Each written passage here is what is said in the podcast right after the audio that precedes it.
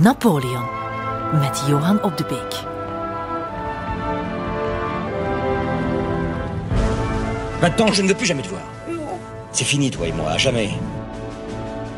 Ja, Napoleon heeft natuurlijk een ongelooflijk liefdesleven gehad. Hij, uh, hij is eigenlijk een, een, stuntel in de liefde. Uh, die hele Franse revolutie door uh, kijkt hij vol verlangen naar vrouwen die hem niet zien staan. Want men, men wil mannen die succes hebben en die je kunnen beschermen in die wilde periode. En Napoleon hoort niet tot die categorie. Maar misschien toch eens eerst over hoe hij nu echt tegenover de vrouw stond. En dan gaat het niet over wilde psychologische theorieën, maar over de, de feiten. We nemen er even de Code Civil bij. Dat is toch wel zo'n groot monument. Uh, de basis van onze hedendaagse rechtsstaat. Voor het eerst in duizend jaar. Uh, gelijkheid voor alle mensen. Voor de eerste keer niet 1% die uh, alles mag en geen belastingen moet betalen en, en, en alles te zeggen heeft en de rest moet zwijgen en heeft geen rechten. Nee, hij gaat dat codifiëren. Hij wordt niet de filosoof van de verlichting, maar de manager van de verlichting. En dus die code civil is iets wat we, wat we hem in dank moeten afnemen. Maar als we nu naar de vrouw gaan kijken, om het daar dan opnieuw over te hebben, en ik moet er even mijn boek bij nemen om het juist te citeren, dan lezen we in artikel 229 dat de man bij overspel het recht had om de scheiding aan te vragen. Artikel 230 kent hetzelfde recht toe aan de vrouw, maar alleen als de man zijn concubine onder hetzelfde dak als het echtpaar heeft laten wonen. Dat is een duidelijk verschil. En een andere persoonlijke toets die hij aanbrengt, dat is artikel 213. En dat luidt als volgt: De man is de vrouw bescherming verschuldigd. We hebben het hier over de wederzijdse verplichtingen. De man is de vrouw bescherming verschuldigd. En wat zegt hij over de vrouw? De vrouw is de man gehoorzaamheid verschuldigd. Ja, dat kun je niet gelijk noemen, natuurlijk. En uh, het, het mij een beetje van, uh, van onze vriend Napoleon dat hij daar toch uh, zich klein heeft getoond. Hij zei dat ook vaak. Hè. Ik ben groot in grootste dingen en klein in kleine dingen. En hier is het een beetje kleintjes. En dan kan je je de vraag stellen in hoeverre de persoonlijke ervaringen van Napoleon in zijn eigen huwelijk met Josephine eigenlijk toch niet het belangrijkste wetboek van de moderne hè, Europese geschiedenis hebben beïnvloed. Want met Josephine, waar begint het allemaal mee? Hij heeft al uh, een paar keer in de ogen gekeken van die Josephine, die hem, wel even, even gemonsterd heeft, maar hem, maar hem te licht heeft bevonden. En hij, hij is tot over zijn oren verliefd. En op een bepaald moment, uh, 1796, redt hij de revolutie. En hij wordt plotseling de grote generaal in Parijs die, ja, die furoren maakt. En Josephine, die dan plotseling eieren voor haar geld kiest, gaat met hem uh, een relatie aan. En dat is een, dat is een turbulente relatie, een zeer erotische relatie. Als je de brieven erbij neemt die, die uh, Napoleon uh, schrijft. Ik ben vervuld van u. Uw beeld en de herinnering aan de verslavende geneugten van gisteravond hebben mijn zinnen geen rust meer gegund. Een bloedgeile Napoleon die dat schrijft in, uh, in december van, van dat uh, historische jaar aan Josephine. En ze huwen. Van het een komt het ander natuurlijk, want die Josephine die wil, uh, die wil van straat, zullen we maar zeggen. Hè. En ja, eigenlijk vanaf de eerste dag bedriegt ze hem al. Hè. Dus ze, ze koopt de notaris om. Die laat verklaren dat haar geboortecertificaat zoek is geraakt in tumult van de, van de voorbije wilde revolutionaire jaren. En zonder blikken of blozen zal Josephine haar bestatigen dat ze uh, in 67 is uh, geboren, terwijl ze in werkelijkheid in 63 is ge geboren. En dat huwelijkscontract dat ze zullen sluiten, dat is nog een grotere farce eigenlijk. Geen gemeenschap van goederen, volledige financiële volmachten voor de toekomstige echtgenoten, verleend door Napoleon. Ouderlijk gezag over de kinderen uit het vorige huwelijk, volledig bij de moeder. Een rijke rente is voorzien, uh, mocht ze ooit weduwe worden, wat in zijn geval natuurlijk niet ondenkbeeldig was met al die oorlogen. Enfin, dat is een, een, volkomen, uh, je zou bijna zeggen, ze heeft hem opgelicht. En hij loopt daar vierkant in, hij steekt zijn hoofd daar in een fuik zonder te weten. Ik denk het niet. Hij heeft dat natuurlijk allemaal doorgehad, maar hij was dol en dol en dol verliefd. Ze is zo'n beminnenswaardige vrouw, aardig, innemend, onderhoudend, de meest gracieuze vrouw van Frankrijk. Ze is de godin van de goede smaak en geeft de toon aan in alle modes. Alles waar ze zich mee versiert is zo elegant. En zijzelf is zo goedaardig, zo menslievend. Oh, ze is de beste vrouw van heel Frankrijk. Een vrouw tot in de vingertoppen. Wat gebeurt er? Een drama natuurlijk, dat, dat zal tekenend zijn voor het hele verdere verloop van, van dat leven en van dat huwelijk. En dat natuurlijk helemaal in het teken staat van de politiek van die tijd.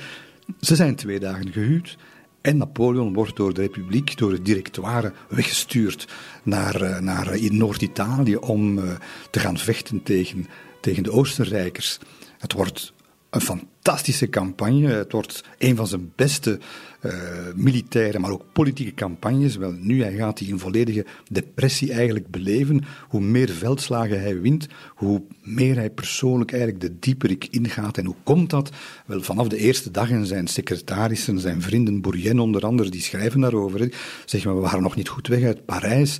We zaten in, Lyon uh, na een paar dagen en, en, hij begon al te zeuren en we moesten brieven schrijven naar Josephine. Uh, en dat waren allemaal smachtende en, en bijna depressieve brieven. En dat wordt altijd maar erger, want hij heeft iets in de smiezen. Hij weet natuurlijk dat die Josephine... Uh, dat die, uh, zij, zij, is natuurlijk zeer is een, een, een, dame die het leven kent, een wellustige dame ook. En ja, in dat liederlijke Parijs kan je daar je echtgenote wel betrouwen. En het is een spookbeeld natuurlijk dat hem zal achtervolgen. En, um, en het gebeurt. Het gebeurt zonder dat hij dat weet natuurlijk, en, maar hij voelt dat wel. Uh, hij, hij verlangt naar haar en hij schrijft veelvuldig naar haar en hij wil dat ze komt naar Italië. Ja, in een huwelijk dat een paar maanden oud is, veronderstel je dan inderdaad dat die Josephine uh, bij de eerste de beste gelegenheid op de postkoets stapt en, en naar, naar Milaan komt. Ze doet dat niet. En hij vindt dat verdacht en hij, hij schrijft uh, hij spuwt het er werkelijk uit. Hè. Je hebt me lief gehad in een opwelling. Je vindt het haast belachelijk nu. Ik vermoed dat je al weet door wie je me wil vervangen. Ik wens je geluk. Voor zover onstandvastigheid dat kan bieden. Ik zeg niet eens door. Je hebt nooit lief gehad. Ik heb mijn operaties hier bespoedigd. Ik heb berekend dat je de dertiende in Milaan zou zijn. Maar je bent nog steeds in Parijs. Dat kookt daar van binnen bij die Napoleon. Mijn hart, zegt hij, koestert geen laag bij de grondse gevoelens. Het heeft gevochten voor de liefde.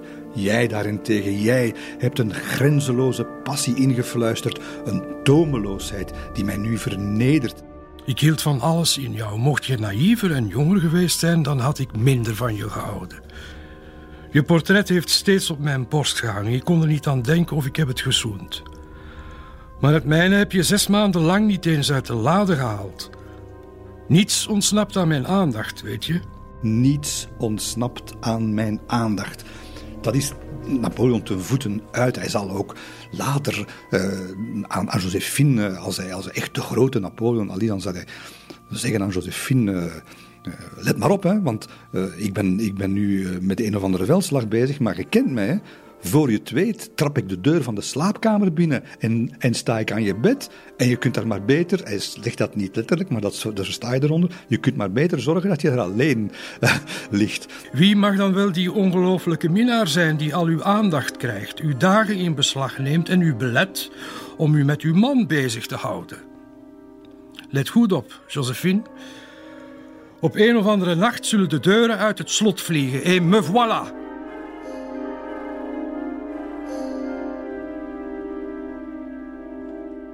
Dat is, dat is Napoleon. Hij is op dat moment, hij, hij vermoedt iets, maar hij weet het niet. En het zal hem achtervolgen, het zal hem, het zal hem ziek van, van liefdesverdriet maken. Uh, hij wordt ook letterlijk ziek en het, uh, het zal hem parten spelen. Maar hij komt het pas jaren later te weten. Uh, hij komt te weten twee jaar later, wanneer hij in Egypte is. En daar een, een geweldige triomf beleeft, natuurlijk, met die verovering van Egypte en de ontdekking van de, van de oude Egyptische beschaving. En in de schaduw van de piramides komt het tot een, tot een verschrikkelijke scène.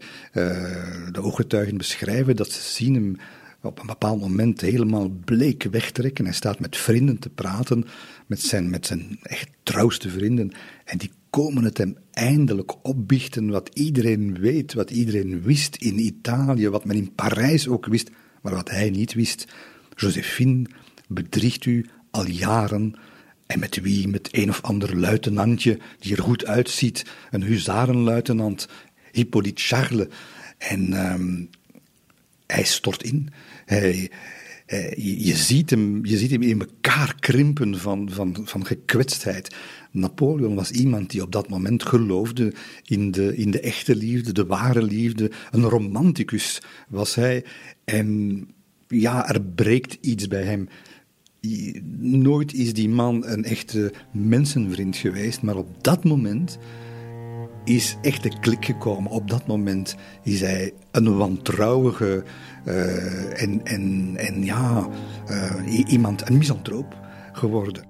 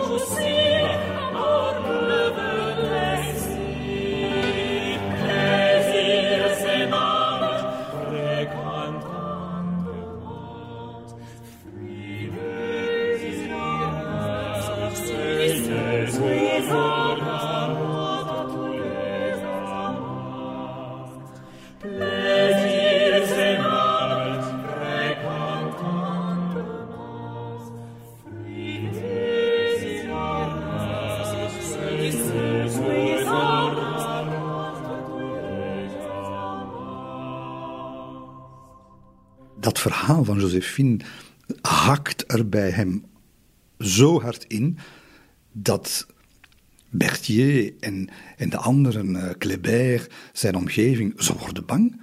Want ze zien die Napoleon, die hem daar moet door de woestijn tegen, tegen de opstandige uh, mamelukken uh, naar de overwinning leiden. Ze zien hem desintegreren voor hun ogen. En ze doen er alles aan in Cairo om Napoleon natuurlijk een of ander lief aan de hand te doen, want die man moet opgemonterd worden. En dat lukt dus van geen kanten. Hè. Uh, het is altijd iets, ze brengen iemand naar, naar Napoleon, ja, die is te dik, die is te banaal, die is niet verstandig, die kan dit niet, die kan dat niet. Het is nooit iets, tot op een dag. Zo op het grote plein van Cairo, op een feest, uh, naar een Montgolfière kijken die daar wordt uh, in de lucht opgelaten.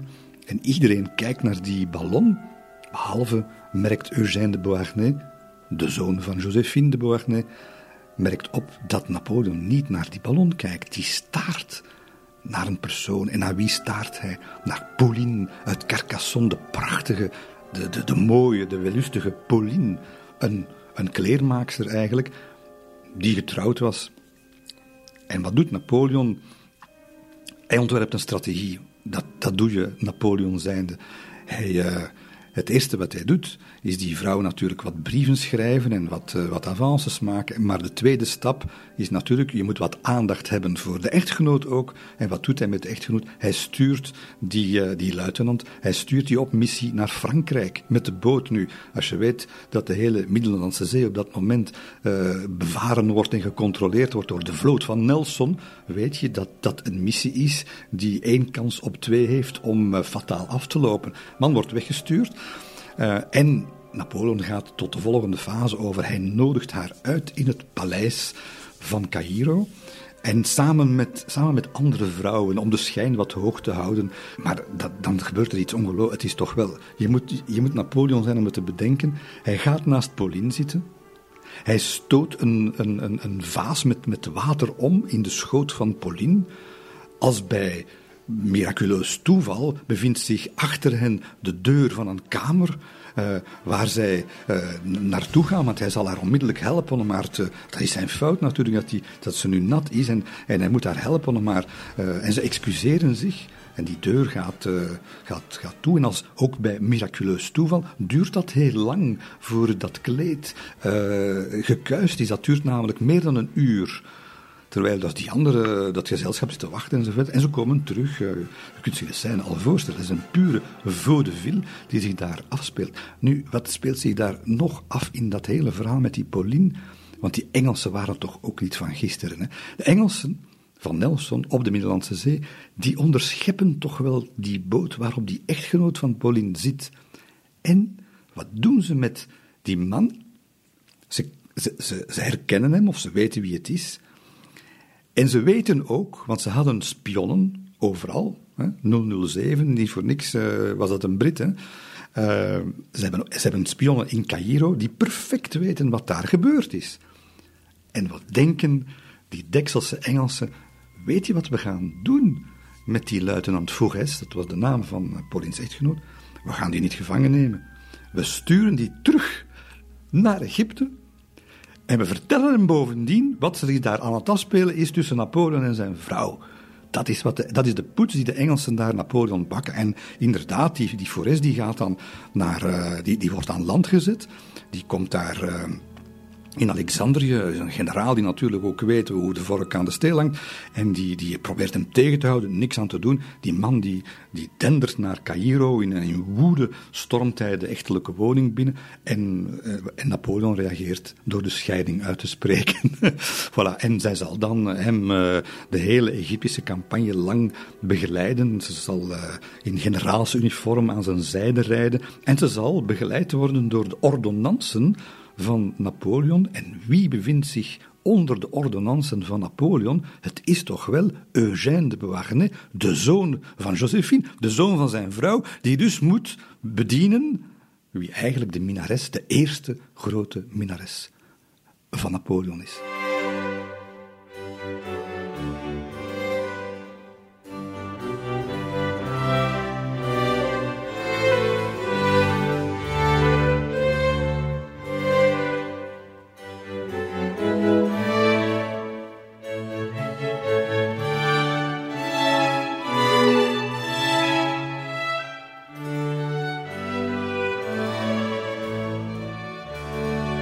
In mijn boek staat er een afbeelding van Pauline en als ik ze bekijk zie ik eigenlijk een klassieke Griekse schone met van dat lang krullend haar.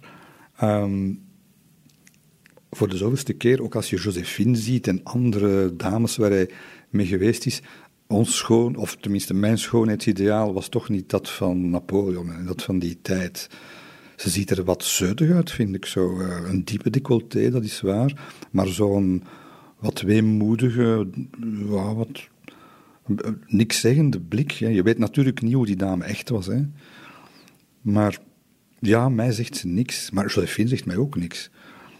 En hem zei ze alles. Pauline Fouges. Hij heeft ze achtergelaten uiteindelijk, want hij is dan naar uh, Frankrijk teruggekeerd op het moment dat, dat alles daar begint fout te gaan. En hij, hij in het holst van de nacht eigenlijk, met twee schepen, verlaat hij Frankrijk. Hij laat daar het leger achter in Egypte. Weliswaar met een, met een boek vol instructies van wat ze allemaal moeten doen en hoe het land verder moet bestuurd worden. Maar wie hij ook zal achterlaten, is Pauline Forest. Ze mag terugkomen later en hij zal voor haar zorgen, zoals zij voor al de vrouwen gezorgd heeft waar hij wat mee gehad heeft, toch zeker diegene waar hij lang mee samen geweest is, maar hij heeft ze wel achtergelaten. Want hij gaat terug naar Frankrijk. Hij gaat terug naar een, een, een heel groot moment. Hij zal daar de staatsgreep plegen die hem definitief aan de macht zal, naar de macht zal katapulteren. Maar hij gaat ook terug naar Josephine. En daar ga je niet naartoe met je minares natuurlijk. Want Josephine, laten we wel wezen, eh, Napoleon heeft 60 veldslagen gestreden en heeft 60 minaressen gehad. Maar hij heeft maar ja, een echte liefde gehad. En ondanks alles wat er in dat huwelijk gebeurd is, en het is me wat geweest, het is een lange lijdensweg geweest ook, maar ondanks alles hebben die twee elkaar dood en dood graag gezien. Ik zou je willen kussen op je mond, je schouders, je ogen, overal, overal. Zij komt natuurlijk helemaal niet uit die revolutionaire kringen. Wel in tegendeel. Josephine is op een haar na, en letterlijk op een haar na, aan de guillotine ontsnapt. In 1793 wordt zij uit haar huis gesleept. Zij is een uh, adellijke dame, uh, getrouwd met de graaf van Beauharnais, een generaal.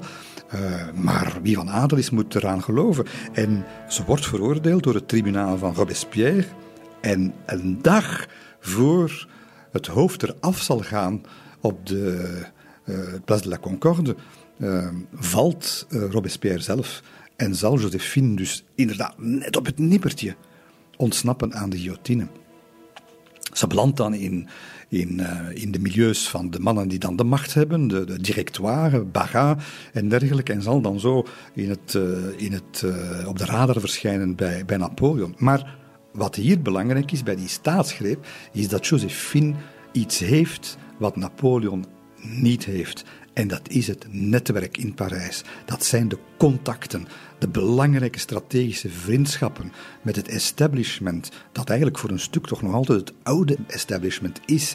En dus met name de oude adel, uh, ja, de mensen die er wat beter voor staan, de, de goede burgerij, daar heeft Napoleon heel weinig, ook omdat hij altijd op, op veldtocht is geweest natuurlijk, heel weinig contact mee.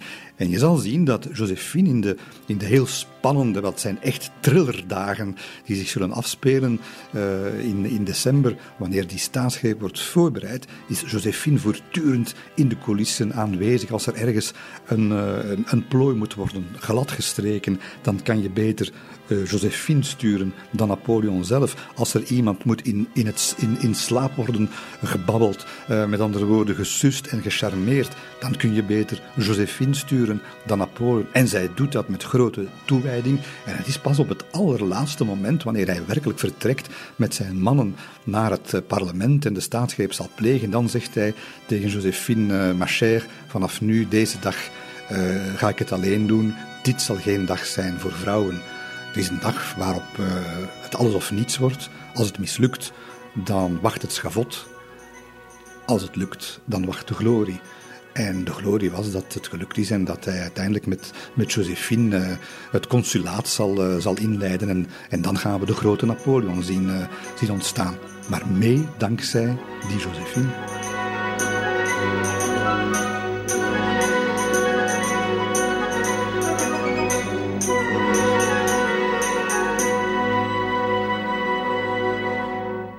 Napoleon met Johan op de Beek.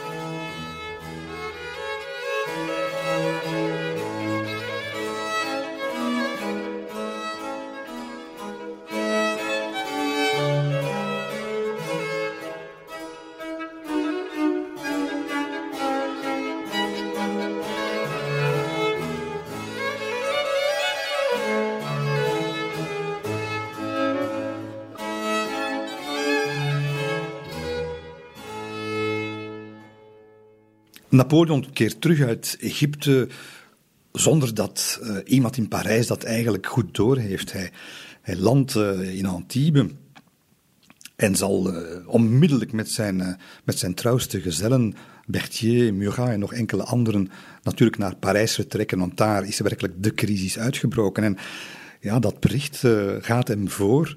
En het is Josephine die dat, die dat heel slecht opneemt uiteindelijk. Want wat heeft ze natuurlijk gedaan, ondanks waarschuwingen uit Egypte van haar zoon, van hou er nu eens mee op met je, met je liaisons, met, eh, met je affaires ook. Want eh, dat, dat, gaat, dat kan niet goed aflopen. Ze heeft dat, ja, ze heeft dat niet zo serieus genomen en ze is dat blijven doen. En dan komt plotseling die koerier binnenlopen, terwijl ze aan een, uh, ja, een mondain dinertje bezig is bij het directoire, bij de, bij de top. En uh, men meldt daar de terugkeer van haar man. En ze, is, ze barst in tranen uit, niet van ontroering, maar van angst. Uh, want ze vreest de afrekening. En wat doet ze? Ze, ze zegt uh, bij zichzelf: ja, ik, ik ga niet op hem wachten hier in de, in de, in de rue Chanterrein waar ze woonden. Ik ga hem tegemoet. En ik zal hem uh, op die manier kunnen, kunnen terug voor mij winnen. Ik zal hem tonen dat ik van hem hou en dat ik, dat ik klaar sta voor hem. Ja, Het drama is dan dat ze de verkeerde weg neemt. Terwijl Bonaparte uh, naar Parijs uh, komt uh, via de weg die hij normaal neemt, gaat Josephine de tweede weg, er zijn er maar twee, naar Lyon nemen. En het is de verkeerde. Ze mist hem met andere woorden. En ja, de wet van Murphy, dat betekent dus dat, dat Bonaparte in zijn huis aankomt, een leeg huis.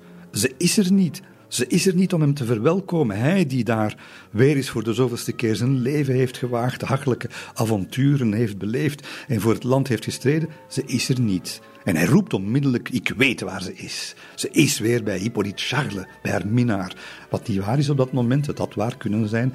En dan is het eigenlijk uh, het hek van de dam. Hij, hij besluit haar te verstoten, hij besluit te scheiden. En hij gebiedt onmiddellijk aan de conciërge om al haar spullen, want hij wil haar verstoten, al haar spullen uh, naar beneden te brengen en op te stapelen. En ze moet het, uh, ze moet het maar aftrappen uiteindelijk. Uh, Josephine komt uren later natuurlijk in alle staten dat huis binnen en hij heeft zich opgesloten. Hij gaat in, zijn, in de slaapkamer, hij doet de deur op slot. En dan zal er zich urenlang een tragedie voor die deur afspelen. Josephine in tranen. Laisse-moi entrer. Je t'aime. Josephine smekend, op haar knieën, op de deur bonkend. Alles, alles haalt ze uit de kast. Bonaparte, c'est moi, ouvre la porte. En hij geeft geen krimp. Bonaparte, je sais que tu es là. Hij voelt zich verraden en hij doet de deur niet open. En dan gaat uh, Josephine op aanraden van een, van een poetsvrouw in huis, gaat dan de meestertruc uithalen. Ze haalt haar dochter en haar zoon erbij. Twee mensen waar Bonaparte, haar man, uh, bijzonder veel affectie voor had. En die twee die beginnen daar ook aan die deur te, te, te jammeren en, hem te bezweren om, om vergevingsgezind te zijn. En het is allemaal zo erg niet. En ja, Bonaparte, hoe beenhard die man ook kon zijn, die had een peperkoekenhartje. En die kan dat niet meer aan gewoon. Die doet die deur open. En zoals dat... Het is een filmscène, hè? Het is een... Het is een een romantische film die zich daar in enkele seconden afspeelt. Hij doet die deur open. Hij kijkt Josephine in de ogen en hij breekt. Hij pakt ze binnen en de volgende dag uh, stappen de, de, andere Bonapartes die Josephine haten. Ze moeten dat mens niet hebben. Ze noemen haar La Vieille. Pauline, zijn, uh, zijn zus, steekt overal waar ze komt, als ze, als ze de kans heeft, haar tong uit als ze haar rug gedraaid heeft. Wel, al die Bonapartes zijn blij, hè, s ochtends, want uh, ze hebben dat allemaal gehoord wat er gebeurd is. En ze weten nu, die Josephine gaat vliegen. En ja, een van de broers stapt uh, triomfantelijk uh, de slaapkamer binnen om zijn, zijn broer te feliciteren en te zeggen dat ze nu aan de, aan de politiek kunnen beginnen. En die valt daar natuurlijk in een reusachtige verbazing als hij in dat bed kijkt. En wie ligt er in dat bed? In de armen van Napoleon, Josephine. En beide lachen ze hem ja, toe met de lach die twee mensen hebben wanneer ze net een fantastische nacht achter de rug hebben.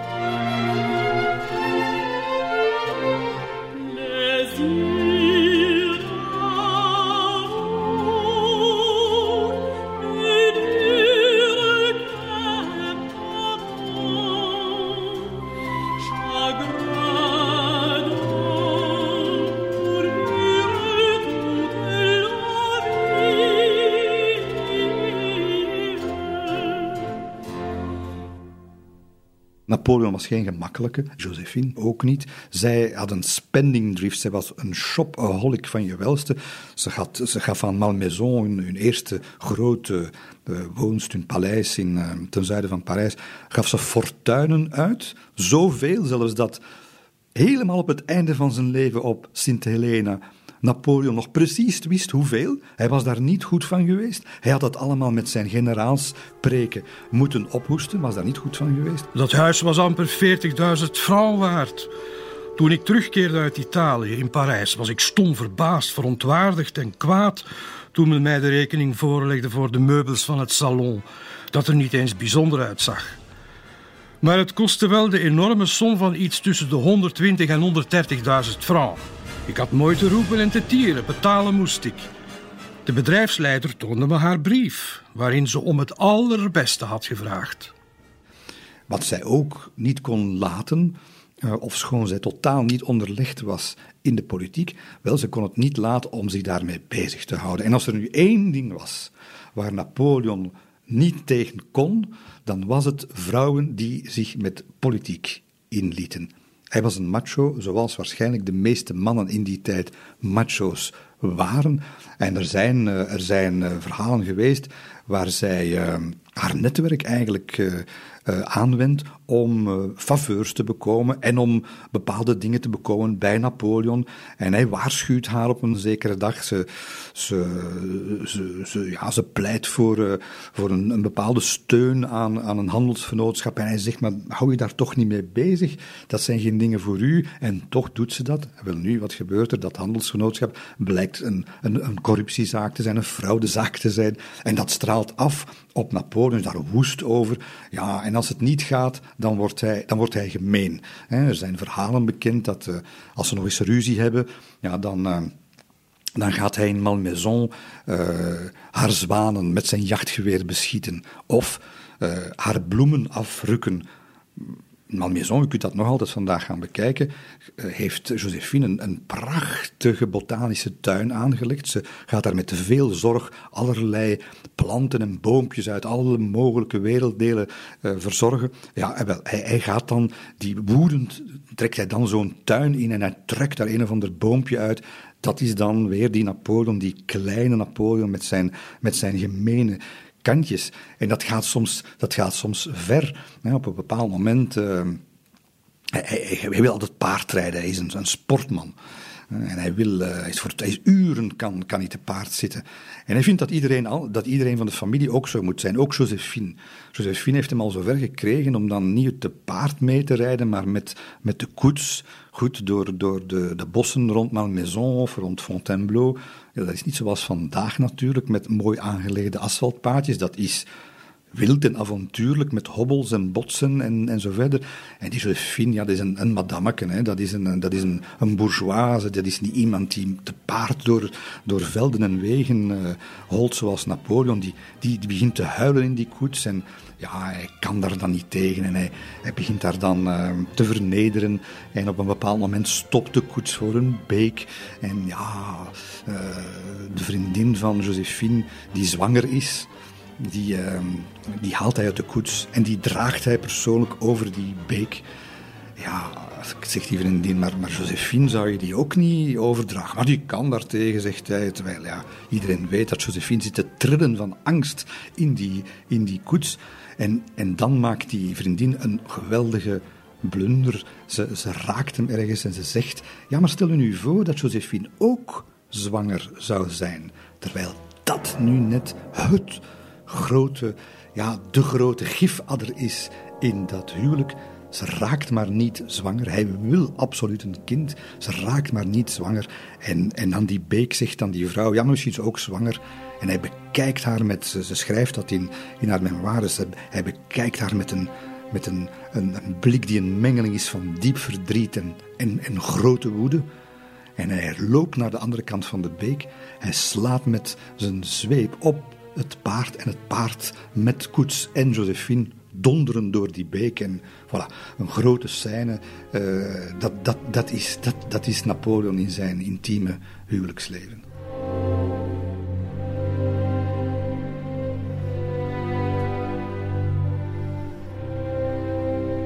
Josephine heeft het natuurlijk ook niet altijd proper gespeeld met die Napoleon. Napoleon, een staatsman. Napoleon, het grote project. De keizerskroning. Wat doet die Josephine nu? 24 uur voor de grootste plechtigheid, die onder enorme belangstelling uit binnen- en buitenland zal doorgaan in de Notre-Dame, de, de keizerskroning, loopt Josephine op haar kousenvoetjes tot de bovenverdieping van de Tuileries, waar op dat moment de paus logeert. Want die moet die keizerskroning natuurlijk uh, gestalte geven. En wat gaat ze vertellen aan meneer de paus? Ze gaat hem zeggen: Weet u eigenlijk dat Napoleon en ik in der tijd, 1796, nooit voor de kerk zijn getrouwd? Oh, maar zegt die paus natuurlijk, die, die, die valt van zijn stoel, wat lief, dat, Plotseling is in zijn ogen heel die kroningsplechtigheid natuurlijk onmogelijk geworden, want hij moet daar een keizerin kronen die niet volgens het kerkelijk recht gehuwd is met het staatshoofd. Dat wist natuurlijk Josephine. Daar speculeerde zij op. En wat zal er gebeuren? De paus stormt onmiddellijk de dag daarna. En we zijn nu enkele uren voor de, voor de, grote de plechtigheid. Stormt naar Napoleon en zegt: Beste vriend, uh, ik heb iets vernomen. Het spijt mij. Maar ik kan uw echtgenote echt niet. Uh, uh, ik, kan, ik, kan, ik, kan dat, ik kan dat niet patroneren, wat daar gaat gebeuren. Sterker nog, hij zegt: Als jullie niet snel voor de kerk huwen, dan ga ik naar Rome terug. Like a ton of bricks komt dat verhaal op het hoofd van die Napoleon. En hij staat voor het blok. Voor de eerste keer in zijn leven is iemand hem te slim af is iemand hem uh, aan het rollen en het is dan nog zijn eigen vrouw. En hij is daar woedend over. Hij zal die nacht, zonder getuigen, maar wel met een priester, in het huwelijk treden. En hij zal het haar nooit vergeven. Ze deed dat natuurlijk omdat ze wist dat een kerkelijk huwelijk veel minder, en zeker aan een staatshoofd, veel minder makkelijker kan ontbonden worden dan een, een burgerlijk huwelijk. En ze was bang dat dat ging gebeuren, omdat ze geen kinderen kon krijgen met hem. Dus wat heeft ze gedaan? Ze heeft daar eigenlijk haar eigen staatsgreep gepleegd en Napoleon uh, ja, voor het blok gezet en gewoon uh, het mes op de keel gezet. Hij kon niet meer terug. Hij moest dat doen en tegen zijn overtuiging. En natuurlijk ook, wat denk je wel, je vrouw die daar uh, een paar uur voor, je, voor, voor het grote moment, uh, het, het, het, het gloriemoment van zijn carrière, daar zo eventjes een tour uithaalt, dat is niet goed aangekomen.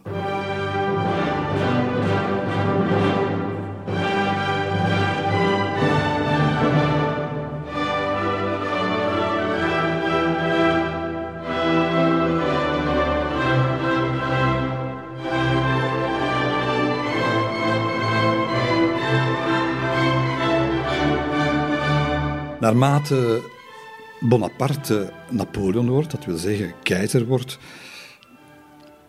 zie je dat het huwelijk tussen Josephine en, Napoleon er niet op vooruit gaat. En dat heeft eigenlijk niks met de relatie tussen die twee mensen aan zich te maken. Dat heeft alles te maken met zijn positie uh, als staatshoofd, de politiek en de internationale politiek.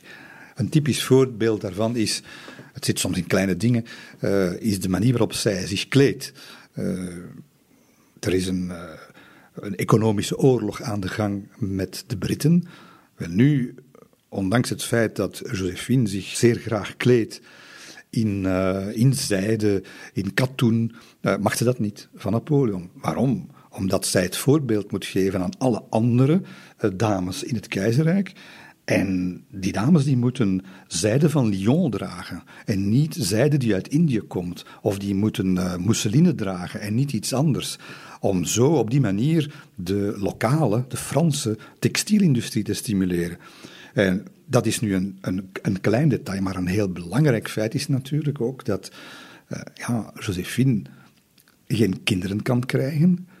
Dat is in die tijd voor een staatshoofd, zeker een keizer, een zeer groot probleem. Tot drie maal toe zal de Senaat aan Napoleon letterlijk vragen hoe hij het probleem denkt op te lossen. Want de dynastie moet. Men heeft angst. Als Napoleon wegvalt, kunt u zich inbeelden, men wil niet meer terug naar de chaos, naar de anarchie.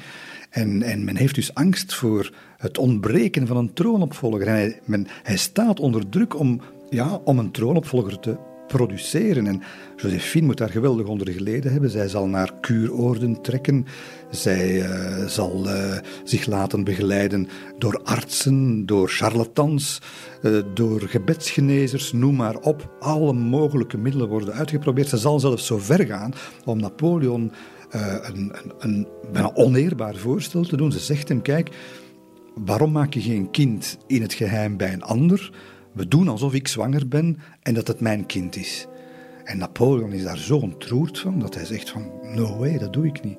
Maar zover wil ze gaan. Het moet een, het moet een, hecht, een, een hechtpaar geweest zijn en een heel moeilijk uh, en leidend echtpaar wat betreft die, die, kinder, uh, die kinderloosheid. Vooral omdat hij Natuurlijk, door zijn, door zijn vervuldig overspel is hij ondertussen aan de weet gekomen dat het probleem niet bij hem zit. Uh, hij heeft namelijk bij een van zijn maîtresses een kind verwekt. En uh, vanaf dan weet Napoleon, of hij vermoedt te weten, dat, dat zij het is die hem nooit een kind zal kunnen, uh, kunnen geven. En wordt dat probleem steeds groter en groter. Helemaal zeker is hij nog niet. Het zal duren tot 1810 uh, voor hij echt zeker is. Want wat wil nu het hele verhaal? Ja, het zijn Murat, vooral Murat, die, en, en soms ook nog wel anderen, die die naar dames zoeken, als het ware, voor, voor de grote baas. En wat doen die mannen? Die proberen ze eerst eens uit. Ja, dus als daar een kind van komt uit zo'n relatie, dan weet je nooit zeker als Napoleon, is het mijn kind of is het Murat? Zijn, uh, zijn zaad dat we daar zien. Hè? Uh, en het zal duren tot de grote relatie uh, de maîtresse van zijn leven, maar eigenlijk ook de tweede vrouw van zijn leven, de Poolse Maria Walewska. Een, een, een, geweldige, interessante relatie die van 1805 duurt en die eigenlijk nooit zal stoppen. En hij heeft een kind met haar. Uh, in 1810, warempel, een paar maanden uh, nadat hij zijn tweede huwelijk sluit, met dan weer een andere vrouw, met uh, Marie, Marie-Louise van Oostenrijk, wordt dat kind geboren. Hij zal ervoor zorgen, hij zal, ook, hij zal er ook altijd geldelijk voor blijven zorgen. Maar dan weet hij definitief, ik kan een kind krijgen. En het is dan dat het, ja, dat het, het zwaard zal vallen op het huwelijk van Josephine en. Napoleon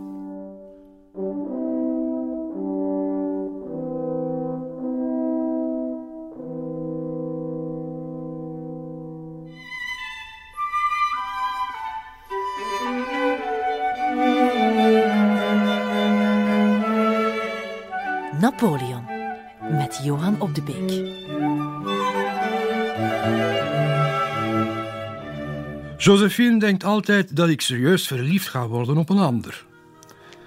Begrijpt ze nu niet dat ik niet gemaakt ben voor de liefde? Die tientallen maîtresses, uh, daar heeft Josephine uh, heel veel over geweten. Dat is niet gebeurd zonder dat ze dat wist. Ze heeft, dat, ze heeft zich verzet, aanvankelijk. Later heeft ze het gedoogd. Um, en eigenaardig genoeg, in onze ogen vandaag, Napoleon heeft dat nooit begrepen. Vaak gingen de ruzies tussen beiden niet over het overspel aan zich, maar over het feit dat Josephine niet inzag dat die dames niets, maar dan ook niets betekenden voor hem. Voor Napoleon was seks, dat was een soort van lichaamshygiëne. Dat had niets met liefde te maken in zijn ogen. En hij vertelde dat ook aan. Hij probeerde haar ervan overtuigen. Maar ja, elke vrouw, en denk elke man vandaag, weet dat het zo niet in elkaar zit. Hè? Maar dat ging er bij hem niet in. Dat, dat, dat was Napoleon. Hij, uh, hij had dat nodig om, uh, ja, om, uh, om in vorm te blijven, zullen we maar zeggen. Om, om, om, om gelukkig te zijn. Maar voor hem had het niks te maken met, met zijn relatie met Josephine. Dat stond buiten kijf. Zij voelde zich bedreigd natuurlijk, voortdurend. En hij trachtte haar te overtuigen van het feit van, waar zijt je nu over bezig? Dat er is niemand die uw plaats zal innemen. Maar ja, uh, we weten allemaal dat het, dat het leven een beetje anders in elkaar zit. Liefde, wat is dat eigenlijk? Een passie die het universum aan één kant zet en de geliefde aan de andere kant. Het ligt absoluut niet in mijn natuur om me zo volledig over te geven aan een gevoel. Wat kunnen mijn uitstapjes aan mij eigenlijk uitmaken, aangezien ze niets te maken hebben met gevoelens?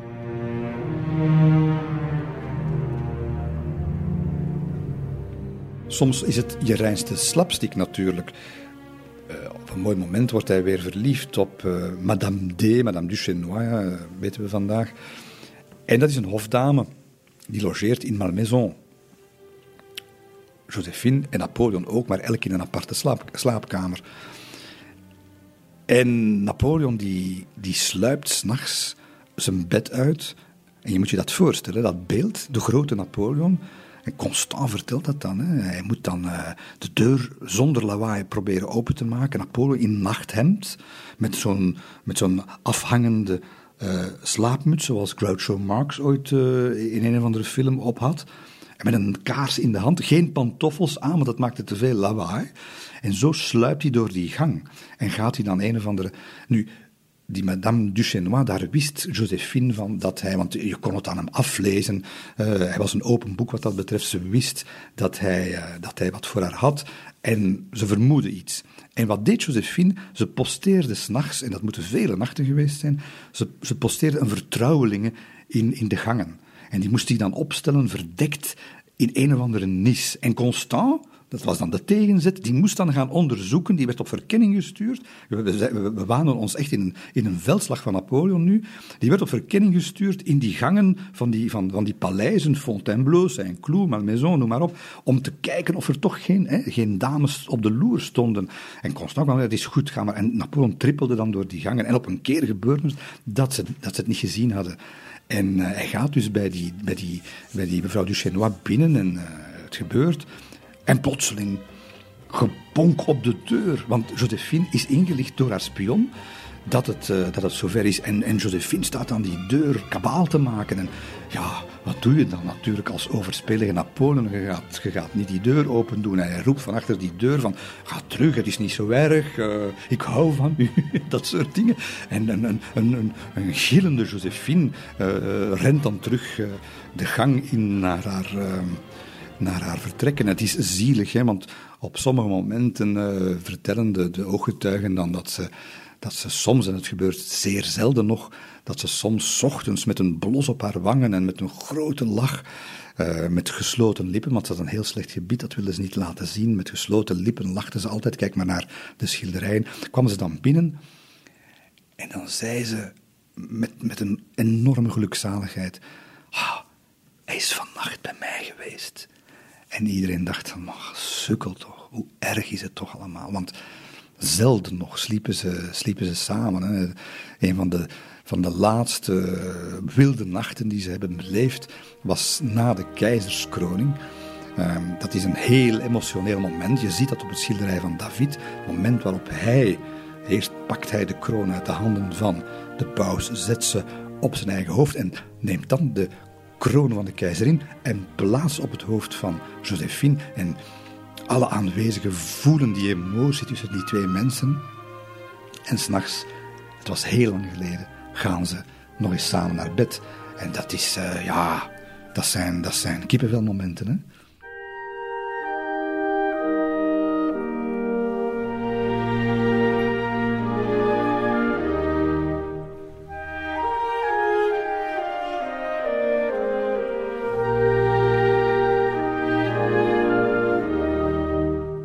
Was Napoleon een goed minnaar? De getuigenissen lopen daarover sterk uiteen. Als man ben je dan geneigd, ja, als je leest dat ze nachtenlang bij hem bleven, ben je geneigd aan te denken, ja, hij was een goed minnaar.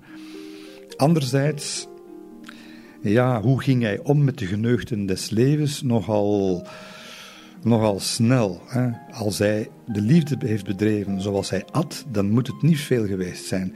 Want hij at al slurpend en op tien minuten tijd. Hij vrat als een varken.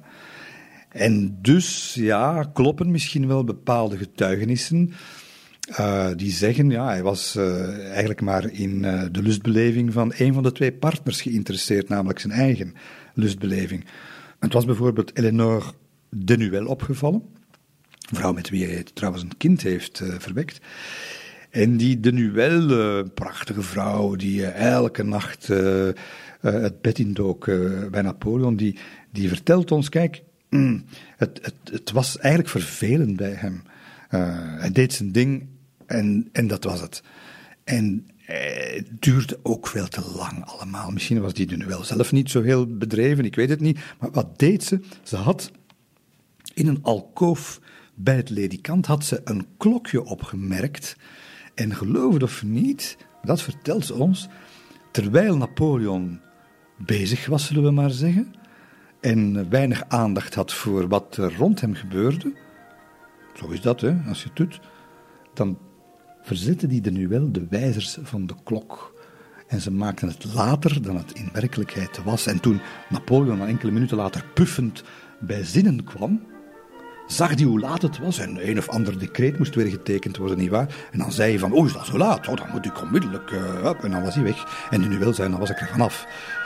Ja, Er waren geen getuigen in dat bed, dus ik kan u niet zeggen of het klopt. Maar si non è vero, è ben trovato.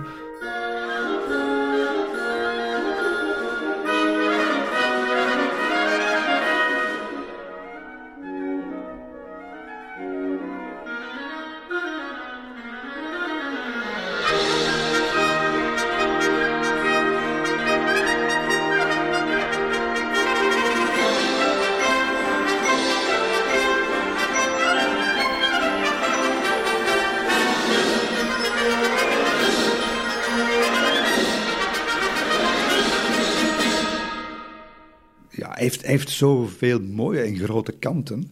Maar met die vrouwen was dat. Ja, daar, heeft hij het in mijn ogen dan toch wel wat verbrot. Bijvoorbeeld als het gaat om intelligente vrouwen. Ehm, hij kon er niet tegen. Hij had daar een probleem mee. Uh, sommigen zeggen een minderwaardigheidsgevoel. Een fantastisch verhaal is dat van de fameuze schrijfster en opposante. Het is wel belangrijk om het erbij te vertellen, Madame de Stael zeer sterk, zeer sterke persoonlijkheid, intellectueel boegbeeld van die tijd. En ze ontmoeten elkaar op een receptie en ze vraagt aan hem wie in zijn ogen de voornaamste aller vrouwen is. Ja, de stijl was, eh, was ook nogal, hè, nogal een ego en die hoopte natuurlijk dat, uh, heimelijk dat Napoleon haarzelf zou noemen. En die Napoleon die antwoordt dan zo keihard: Mevrouw, de voornaamste vrouw, dat is de vrouw die de meeste kinderen baart, madame, zegt hij. Venijnig tot en met, want iedereen wist dat madame de Staal wel romans en briljante gedachten kon baren, maar geen kinderen. En dan zegt hij zoiets. Dat, dat, dat is, hoe komt het allemaal? met geen psychiater, maar we moeten erbij vertellen dat hij uh, op zijn negen ontrukt is aan het gezin. Hè? Uh, tussen 9 en 16 jaar ziet hij zijn moeder nooit meer terug. En hij zal zich altijd weggestoten voelen door die moeder. Het, het, het, zal een, het is een, een Napoleontisch kenmerk dat door de geschiedkundigen volgens mij totaal veronachtzaamd is. Mijn ziel is gebroken. Ik voel me verlaten door alles wat me op deze aardbol echt interesseert. Duizend messen steken in mijn hart, duwen er niet verder in. Adieu, mijn geluk, mijn leven, alles wat voor mij van belang was op deze wereld.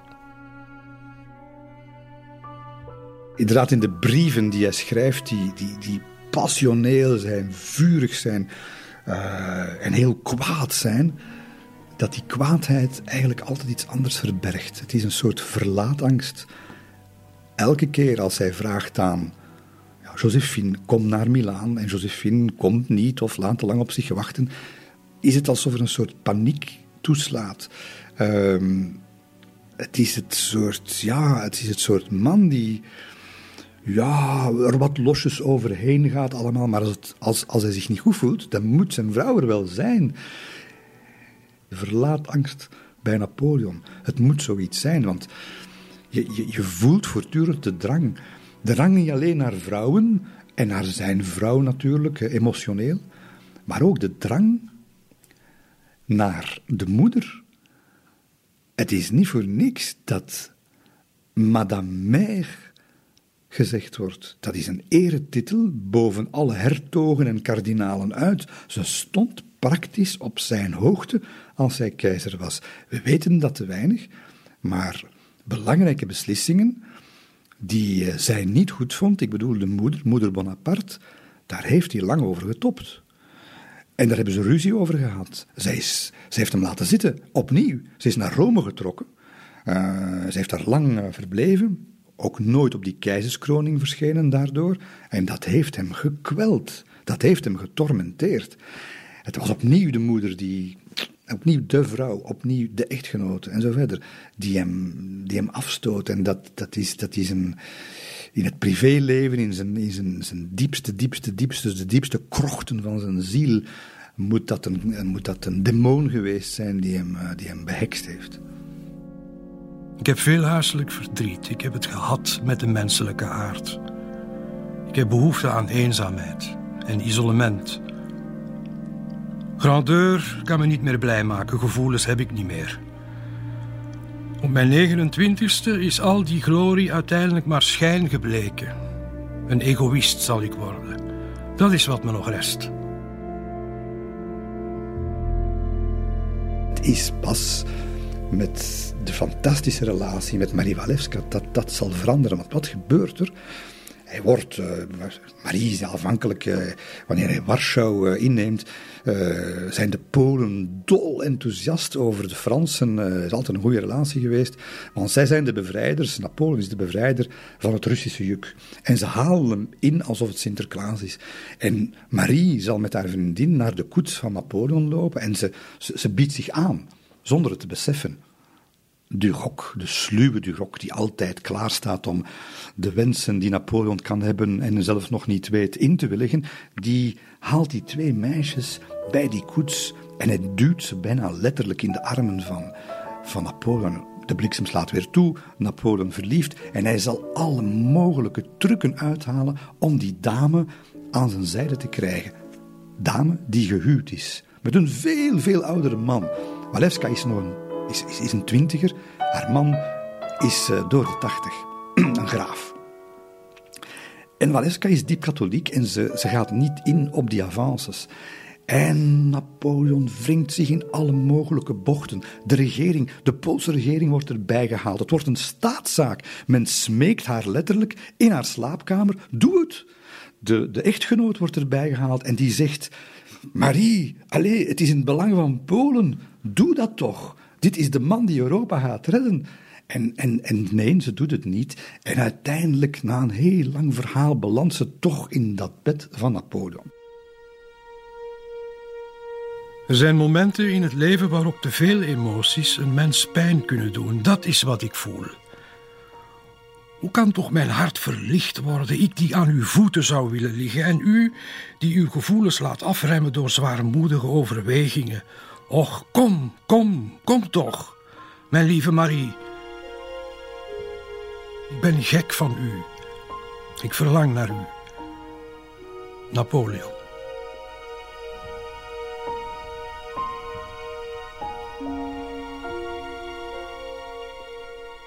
Het grote verschil met al de vorige amoureuze veroveringen is. Hij merkt iets anders in haar. Er is buiten de lust van het bed nog iets anders met die Marie. Zij is namelijk gedreven voor haar land.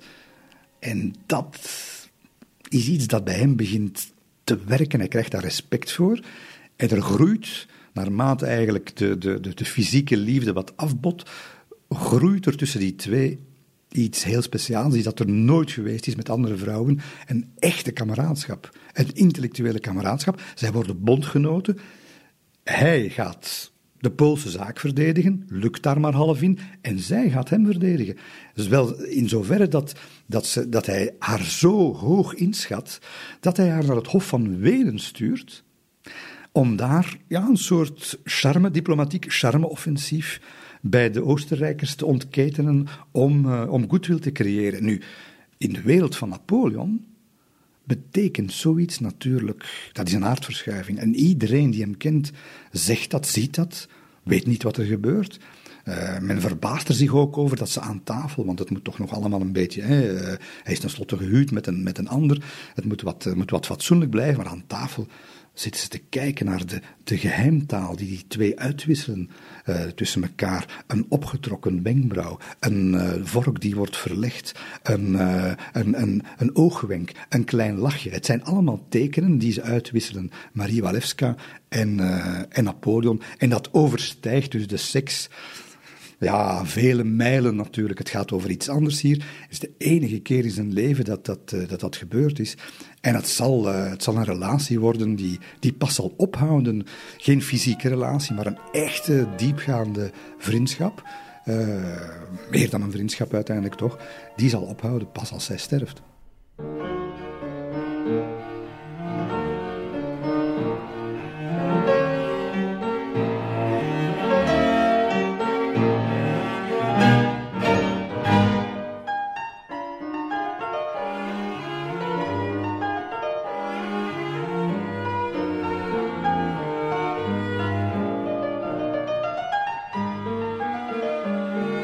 Grote geopolitieke schaakbord wordt het belangrijker en belangrijker dat Frankrijk, het keizerrijk, een grote, definitieve, sluitende verbindenis kan aangaan, een bondgenootschap kan aangaan met een van de twee andere superpowers. En ik heb het dan niet over het Verenigd Koninkrijk, want dat was de, de aardsvijand, maar wel over ofwel Rusland ofwel Oostenrijk. En hoe ging dat in die tijd? In die tijd deden landen dat, deden naties dat, door met elkaar in het huwelijk te treden. En dus hij zal, naarmate we naar 1809, 1810 evolueren, zal hij op zoek gaan naar een echtgenoot, ofwel de zus van de tsaar, ofwel de dochter van de keizer van Oostenrijk.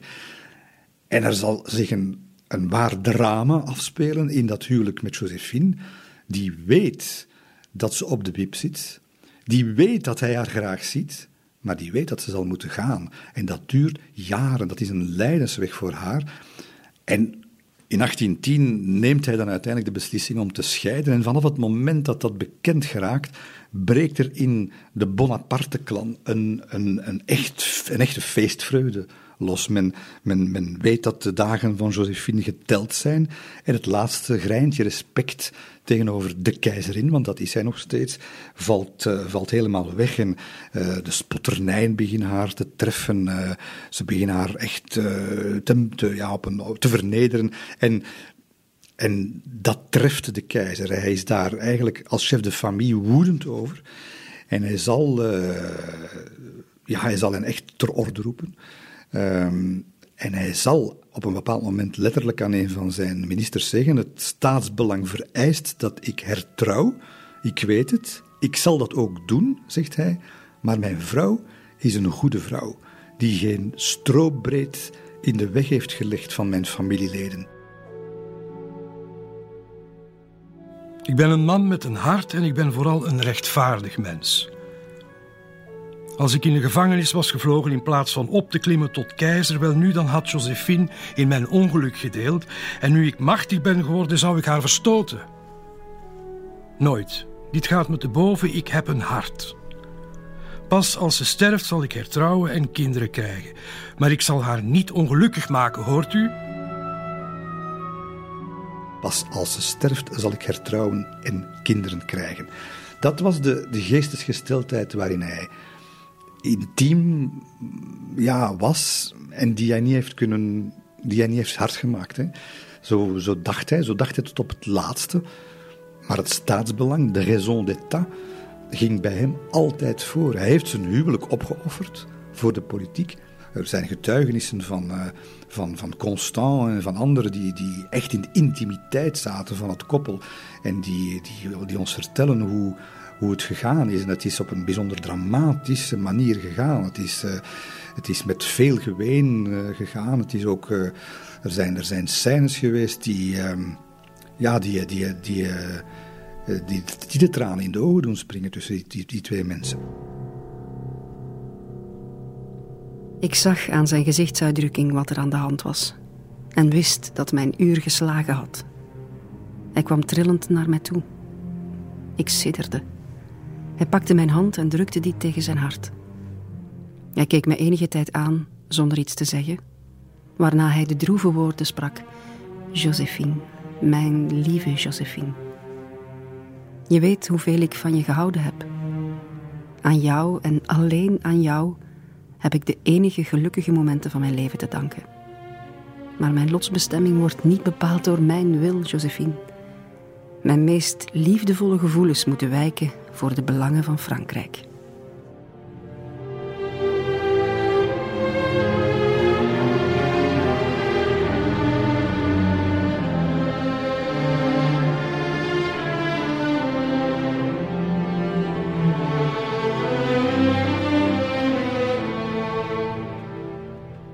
Ja, de, de fictie is, is, kan dit nooit overtreffen. De, de, de waarheid is veel straffer. Eerst wordt de familie bij elkaar geroepen. Uh, dus alle Bonapartes die Josephine haten, zij staat daar aan zijn zijde als enige. Bonaparte, met de notaris verder, uh, scheidingsakte wordt getekend. Dan komen de gestelde lichamen, de maarschalken, de kardinalen, enfin, de, de, de senaat, de raad van state en zo verder worden, worden speeches gegeven, zowel door Napoleon als door Josephine. Zij, zij kan op een bepaald moment niet meer, ze breekt in tranen uit en het is... Uh, die zal de, de, de, tekst van haar overnemen en verder praten. Die stopt dan ook, want die kan ook niet meer. Die begint ook te wenen. En dan, uh, ja, dan wordt het avond. En dan moeten die twee het met elkaar uh, zien, te vinden terug. Die moeten, die moeten nu ja, definitief van elkaar afscheid nemen. En dat, dat is een vreselijk moment. Uh, om tien uur s'avonds gebeurt het. in beperkt gezelschap worden de laatste officiële handtekeningen gezet. en Constant is daarbij de, de lijfknecht. En, hij vertelt, plotseling vliegt die deur daar open en, en ze staat daar uh, huilend, de haren helemaal verward, het gezicht verkrampt van het verdriet. Eh, eh, Napoleon staat daar ook en, en ze weet, ja, versteend. Ze weten niet meer wat zeggen. En ik zeg, Constant zegt, ik kan u niet beschrijven welke emoties er door mij heen gingen. Hij zag ja, die voormalige keizerin naar het bed van haar sinds een paar uur ex-echtgenoot lopen en hij zegt, ze wierp er zich in, ze wierp zich in zijn bed en ze streelde hem, zacht en lang. En Constant, Constant die, die, houdt het niet meer, die begint te huilen. En Napoleon ziet Constant huilen, begint ook te huilen. Die zit nu plotseling recht in bed en hij drukt Josephine zachtjes tegen zich aan. Hij zegt, er volgde een scène zonder woorden. Gedurende enkele minuten hoorde hij alleen hun gesnik en gehuil. Het vertelde meer dan welke tedere woorden ook hadden kunnen doen. Ja, en dan Napoleon, die, die, die ontwaakt daar als, als uit een droom zo precies. En die, die, die ziet dan eigenlijk pas dan dat, dat zijn kamerdienaar, zijn, zijn, zijn trouwe uh, gezel van zoveel jaren, dat hij eigenlijk in die kamers nog altijd staat. Roerloos, met de tranen over de wangen. En zegt dan Constant, ga weg. Ja, en Constant gaat weg. Hij sluit de deur uh, achter zich. En een uur later ziet hij Josephine terug naar buiten komen, nog steeds uh, in tranen. Maar ze geeft uh, hem een knipoog. En ze gaat naar haar slaapkamer. En Constant zegt: Ik ben dan nog even in de slaapkamer van, van de keizer binnengegaan. om daar zoals elke avond de kaarsen uit te blazen. En hij schrijft keizer was stil als de dood en lag zo diep in de kussens dat ik zijn gezicht niet kon zien.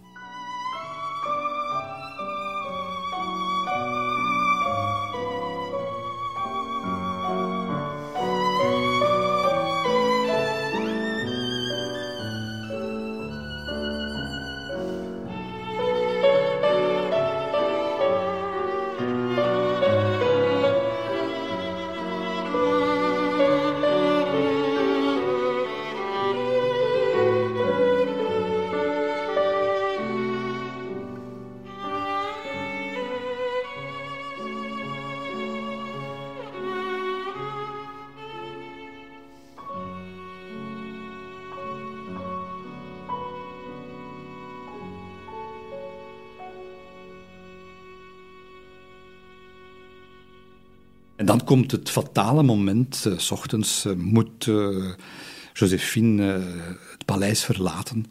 En ze doet dat met haar persoonlijke koets. En iedereen staat daar, Constant en alle, alle mensen die, die Napoleon en Josephine ooit hebben bediend. Constant. Iedereen was er. Iedereen wilde nog een laatste keer kijken naar de ontroonde vorstin, die alle harten met zich meenam in haar verbanning. We keken naar elkaar, maar niemand van ons durfde te spreken. Haar gelaat was gesluierd. Met de ene hand leunde ze op de schouder van een hofdame en met de andere hield ze een zakdoek voor de ogen. Er dreef, schrijft Constant, er dreef een wolk van verdriet over de binnenplaats toen deze vrouw, die bij allen zo geliefd was, naar haar koets schreed. Ze stapte in en keek niet meer om. Ja, dat is tearjerker, hè? Dat is tearjerker. Maar hier zit nog iets anders in.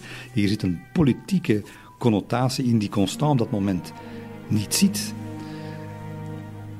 het weggaan van Josephine veroorzaakt ook iets emotioneels in een heel ander compartiment van de Franse samenleving en nog wel het belangrijkste, en dat is het leger. Josephine was voor de soldaten, voor de oude soldaten, die het allemaal al meegemaakt hadden, sommigen nog van in de Republiek en de andere, Austerlitz en al de grote momenten, was eigenlijk de muze van het leger. En er zijn soldaten die het letterlijk schrijven. Het staat in mijn boek. Uh, op het moment, zeggen ze, dat wij naast onze keizer niet meer Josephine, maar die Oostenrijkse, zeggen ze, zagen staan, was er iets weg. En we hadden schrik. Dat schrijven soldaten die alles hadden meegemaakt, oorlog hadden overleefd, maar Josephine was weg en dat raakte hen. Je kan niet anders zeggen dan dat ze gelijk hebben gehad, want sinds Marie-Louise is het met het Grand Armée compleet bergaf gegaan.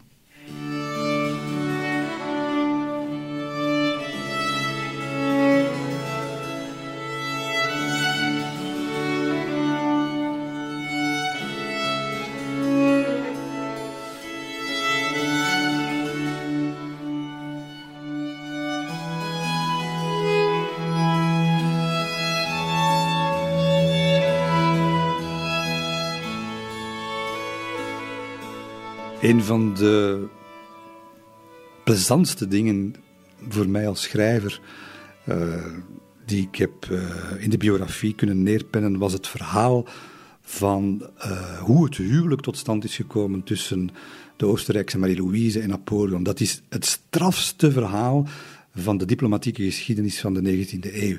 Het is echt een thriller. wat is de situatie? Napoleon wil een, een alliantie met ofwel uh, Oostenrijk ofwel Rusland. En die twee weten dat. En ze zullen dus elkaar voortdurend. Ja, het is zo'n triootje waarin, waarin de ene naar de andere signalen geeft. Uh, ze houden elkaar allemaal in de gaten, ze wantrouwen elkaar. Er worden ideeën uitgewisseld, ballonnetjes opgelaten. En, en ja, het is natuurlijk de geslepen Oostenrijkse kanselier Metternich, ja, de grote diplomaat, die bijna zijn slag thuis haalt. Want hij wekt de indruk dat Oostenrijk eigenlijk niet zo heel geïnteresseerd is, terwijl ze niet liever zouden willen dan hun, uh, dan hun keizersdochter uh, uit te huwelijken. En, en ze spelen bluffpoker om, om er zoveel mogelijk uit te halen. Want als Napoleon de indruk krijgt dat Oostenrijk wil, ja, dan gaat hij zijn prijs opdrijven natuurlijk. Geopolitiek, geldelijk zelfs.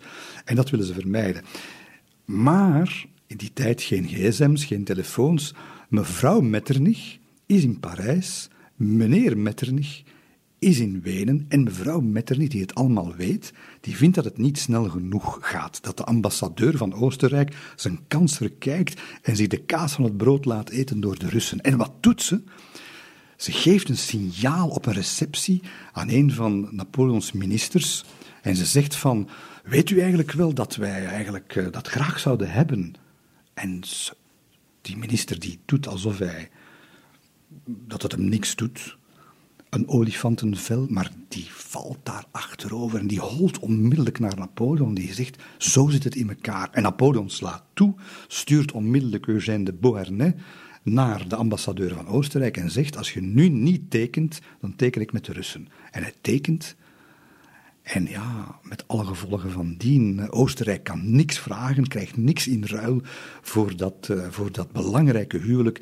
En Napoleon haalt zijn slag thuis en hij huwt met Marie-Louise, een tiener eigenlijk, die, uh, die van niks weet. Hè. Ze, hij stuurt zijn zus Caroline uh, naar de koets, naar de, naar de karavaan waarmee ze uit Wenen naar Parijs zal gebracht worden, om haar in de koets duidelijk te maken dat er zoiets bestaat als seksualiteit en dat Napoleon ter zake natuurlijk iemand is die wel aan zijn trekken wil komen. Geen nood, zegt Marie-Louise schalks tegen Caroline, want ik heb van mijn papa de keizer van Oostenrijk, moet u weten, al de nodige uitleg gekregen. En papa heeft gezegd, en ik citeer, als je eenmaal bij Napoleon bent, dan gehoorzaam je hem en doe je absoluut alles wat hij je vraagt. Wel, Marie-Louise heeft gedaan wat van haar verwacht werd en zelfs zonder enige tegenzin, want de ochtend waarop ze ontmaagd wordt door Napoleon in het kasteel van Compiègne. En u kan nog altijd de prachtige slaapkamer gaan bekijken die hij voor haar had klaargezet. Wel, die ochtend komt ze de trappen af. Uh, en uh, ja, iedereen staat in spanning natuurlijk te wachten van wat is er, is er iets gebeurd en, en, en hoe is dat nu afgelopen met dat tienertje en die, en die grote Napoleon. En ze, ze, ze straalt, ze straalt en ze zegt, hij is eigenlijk veel, veel leuker dan ik had verwacht. De keizer is eigenlijk best charmant. Erg zachtaardig voor een zo te duchte krijgsheer. Ik denk dat ik erg van hem zal houden. En vervolgens komt Napoleon ook die trappen af en hij geeft een van zijn adjutanten een geweldige por in de ribben en hij zegt, als je ooit een goede vrouw wilt trouwen, trouw dan met een Oostenrijkse.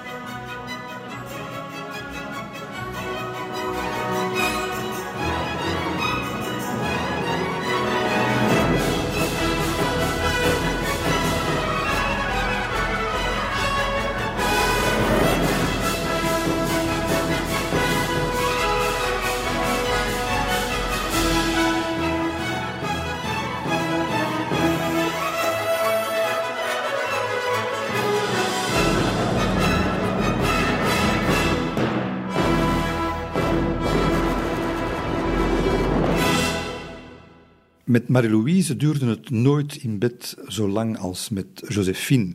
Uh, dat kwam omdat, dat heeft Napoleon zelf gezegd, omdat zij er niet van hield om s'nachts te worden gewekt voor la petite affaire, zoals hij dat zei. Dat moest dus s'avonds of s ochtends gebeuren met Marie-Louise. Dus nooit lange wilde nachten.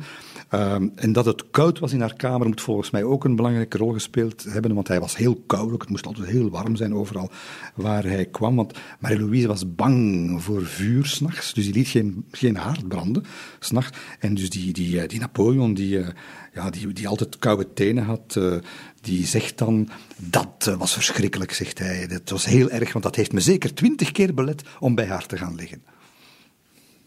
Hij had daar de boekhouding van bijgehouden. Napoleon was een, was een cijferneuker. Hè? Die kende elk cijfer dat je maar kan inbeelden. En, uh, maar dit is toch een bijzonder cijfer.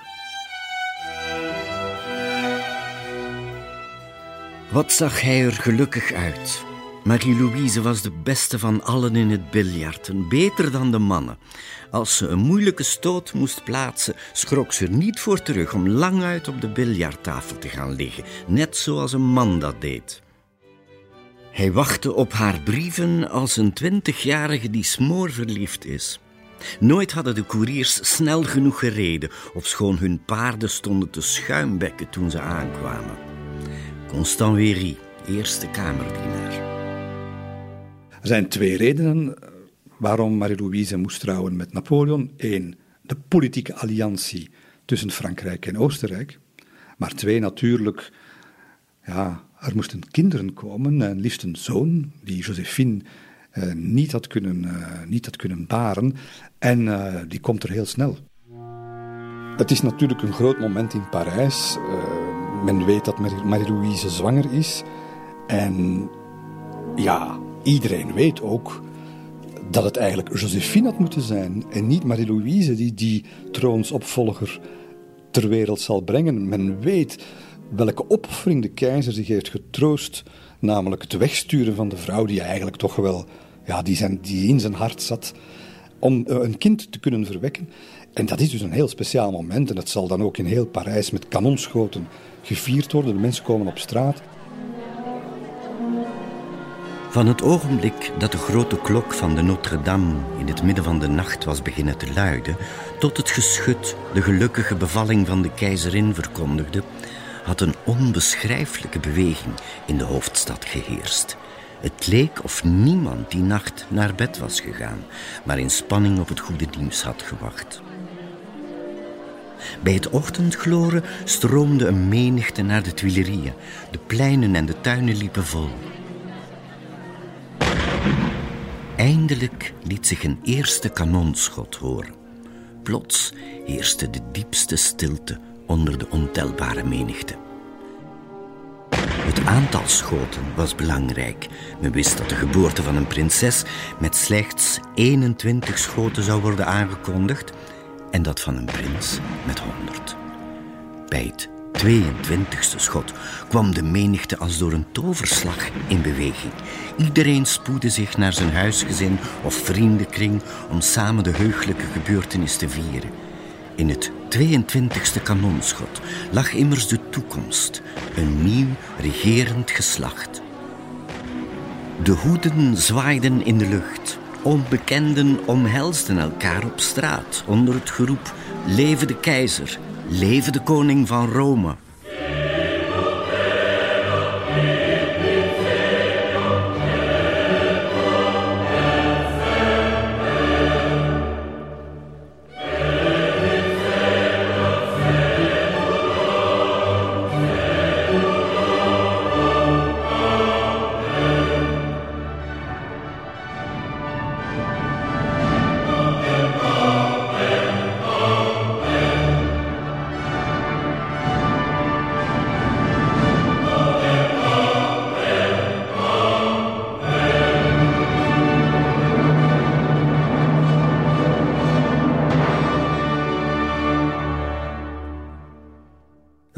Met Marie-Louise loopt perfect, moeten we zeggen. Hè? Maar er is natuurlijk nog altijd de echte keizerin, hè? Die, die nog altijd trouwens de titel mag dragen van keizerin. De tweede keizerin, Josephine. Uiteindelijk toch de vrouw van zijn leven. En ze blijft op de achtergrond een rol spelen. Josephine had zich nooit verzet echt tegen dat dat uh, tegen de scheiding, nog tegen het huwelijk. Ze heeft zelfs geholpen, letterlijk. Ze heeft zelfs met de Oostenrijkers uh, nog wat diplomatieke correspondentie gevoerd om de zaken te vergemakkelijken. Maar op een bepaald moment breekt er toch iets bij die Josephine. ze had het heel, heel, heel moeilijk in Malmaison, waar ze toch hun gelukkigste jaren hadden beleefd en, en de meest intense momenten hadden gekend. En zit daar nu alleen. En ze begint hem brieven te schrijven die toch ja, uniek zijn, omdat ze voor de eerste keer begint van zich af te bijten. Maar op een manier à la Josephine. Ik zal nimmer nalaten uw majesteit alle geluk toe te wensen. Je voelt al de ironie en het sarcasme uh, komen. Hè. Uh, het zijn pathetische zinnen die, die eigenlijk schreeuwen om aandacht die ze dan gaat schrijven. Ze schrijft, misschien zal ik ook wensen dat ik uw majesteit eens mag terugzien. Maar uw majesteit, altijd die uw majesteit, dat moet hem pijn gedaan hebben. Uw majesteit mag gerust zijn, zegt ze.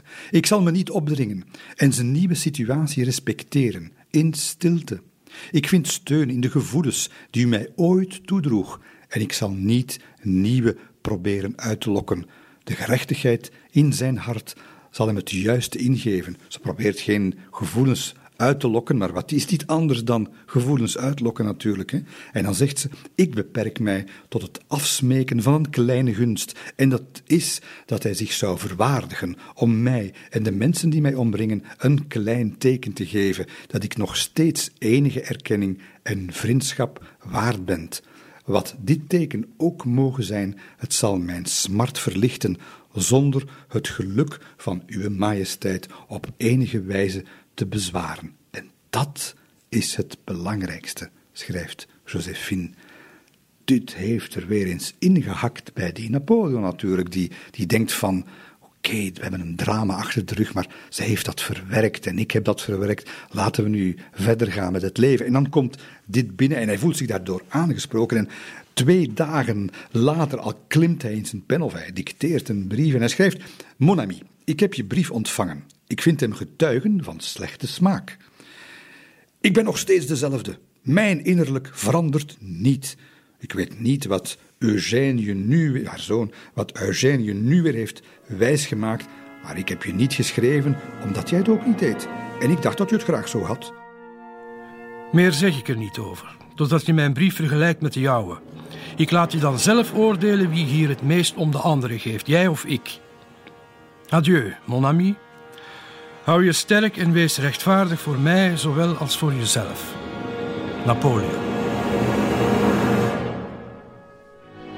Dit is toch aandoenlijk gekibbel tussen twee mensen die elkaar nog altijd koesteren. Hè? Dat voel je. Dat is er gewoon. Dit is, het, het lijkt wel alsof ze niet gescheiden zijn. En het zal zo blijven, want Josephine kraakt eigenlijk door het leven en door de laatste jaren. Zal, zal het begeven, zal, zal sterven op het moment dat uh, Napoleon nog zijn laatste, uh, zijn laatste slagen levert in 1814. En hij zal dat maanden later, als hij op Elba is, vernemen. En hij kraakt, hij breekt als dat nieuws binnenkomt. En helemaal op het, op het alleruiterste, op het moment dat hij in, de, in de, de diepste kloven van zijn leven gaat afdalen, het vertrek, definitieve vertrek naar Sint Helena, gaat hij nog één keer langs in Malmaison, aan de arm van de dochter van Josephine Hortense, zijn lievelingsfamilielied, uh, zal ik maar zeggen. Ze wandelen nog één keer door die prachtige botanische tuinen waar hij vroeger de bloemen ging afbreken als hij kwaad was op haar en zo. Dat is nu van geen tel meer. Ze halen herinneringen op, uh, hij en Hortense. En dan gaat hij, en Hortense vertelt dat op een zeer emotionele manier eigenlijk. Hij gaat, dat is het laatste wat hij doet, in, uh, in Malmaison. Hij gaat de trap op naar die fameuze slaapkamer. Je kan ze nog bezoeken. Die, die, ja, zo die Bordeaux-rode slaapkamer met dat vele goud. Het straalt sensualiteit, vrouwelijke sensualiteit uit. Hij verblijft daar ettelijke minuten. Is daar niemand bij.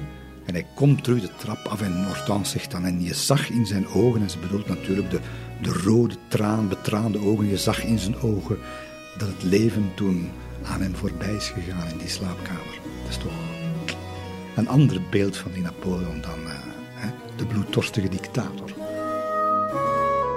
Adieu, mijn lieve Josephine. Leg u neer bij de feiten zoals ik doe. En verlies nimmer de herinnering aan hij die u nooit is vergeten. En u ook nooit zal vergeten. Napoleon.